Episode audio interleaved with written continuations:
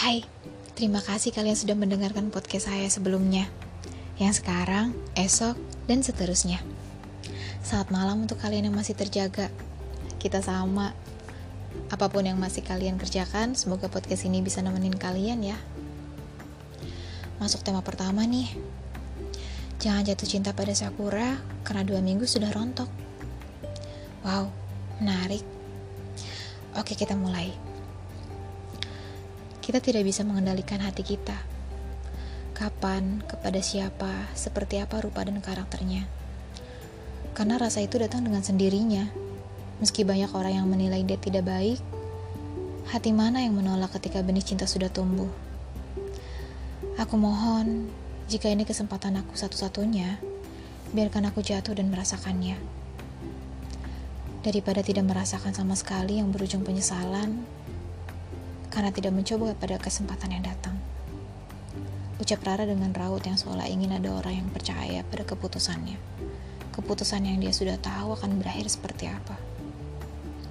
Tapi Ra, dia bukan orang yang tepat untuk kamu. Jika memang benar benih cintanya tumbuh bersama kamu, dia tidak akan pernah ingkar terhadap janjinya untuk datang di hari ulang tahunmu. Handphonenya saja mati dari semalam. Ngucapin aja enggak, apalagi datang. Kamu mau bukti apa lagi, Ra? Tiga hari lalu, papa kamu dibawa ke rumah sakit, dan dia tidak sama sekali angkat telepon dari kamu. Jawab Tommy yang masih berusaha menyadarkan Rara atas sikap Dio yang sudah tidak layak dan mendapat toleransi. Aku tahu kamu menginginkan Dio di sisi kamu, tapi bukan dia, Ra. Aku yang Tuhan datangkan untukmu. Bisik Tommy dalam hati. Tom, siapa tahu terjadi sesuatu sama dia, sehingga dia tidak bisa dihubungi ucap Rara yang masih di pihak Dio. Oke, okay. sekarang posisi kamu memang tidak bisa menerima. Terserah kamu. Terserah hati kamu yang masih menginginkan harapan kosong yang dia berikan. Aku udah gak bisa, Ra. Aku udah gak bisa jadi orang yang gak kamu harapkan. Aku tahu kamu hanya menganggapku teman. Tapi aku udah gak bisa jadi teman kamu, Ra. Malam itu Tommy menyampaikan isi hatinya dan apa yang dia rasakan selama tiga tahun terkena friendzone syndrome. Namun hati Rara bukan untuk Tommy saat itu. Jadi mau tidak mau, Tommy yang harus menarik diri dari rasa sayang yang ia simpan di balik pertemanannya selama ini.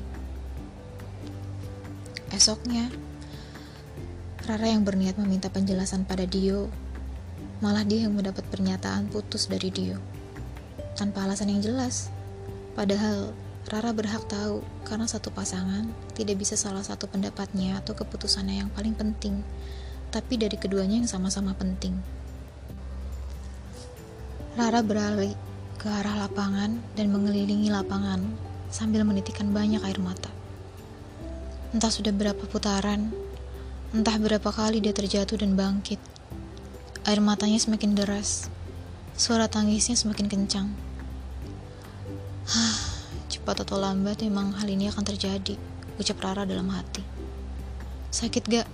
Tanya Tommy mendekat. Aku masih mengatur nafas sambil mengelap keringat yang bercucuran. Diulurkannya tangan Tommy untuk membantuku berdiri. Kau meledek. Kau mau bilang aku bodoh. Sudah tahu akan menyakiti diri sendiri, namun masih saja bertahan. Kamu aku jawab apa? Jawab Rara sambil berjalan menuju taman yang tidak jauh dari lapangan. Kemudian Rara merebahkan diri di atas kursi kayu sambil menaruh lengannya di atas kepala seraya memejamkan mata. Bukan, bukan. Bukan itu maksudku, Ra. Aku bertanya soal kamu. Jawab Tommy. Aku sampai tak sadar jika aku terluka. Oh, ini mah gak ada papanya. Antar aku pulang, Tom. Rasanya tenagaku habis, ucapku. Sepanjang perjalanan, mereka hanya diam. Rara yang dipenuhi dengan pikiran-pikirannya. Tommy yang khawatir akan kondisi Rara. Sesampainya di rumah, Ra, kamu gak apa-apa kan? Tanya Tommy. Tom, aku ingin sekali menjawab aku baik-baik saja. Namun kenyataannya aku sedang tidak baik-baik saja. Beri aku waktu untuk menata semuanya. Wow.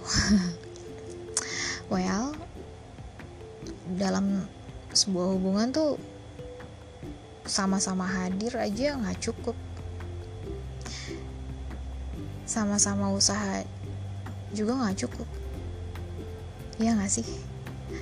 harus sama-sama di perasaan yang sama dan mau ada di hubungan tersebut.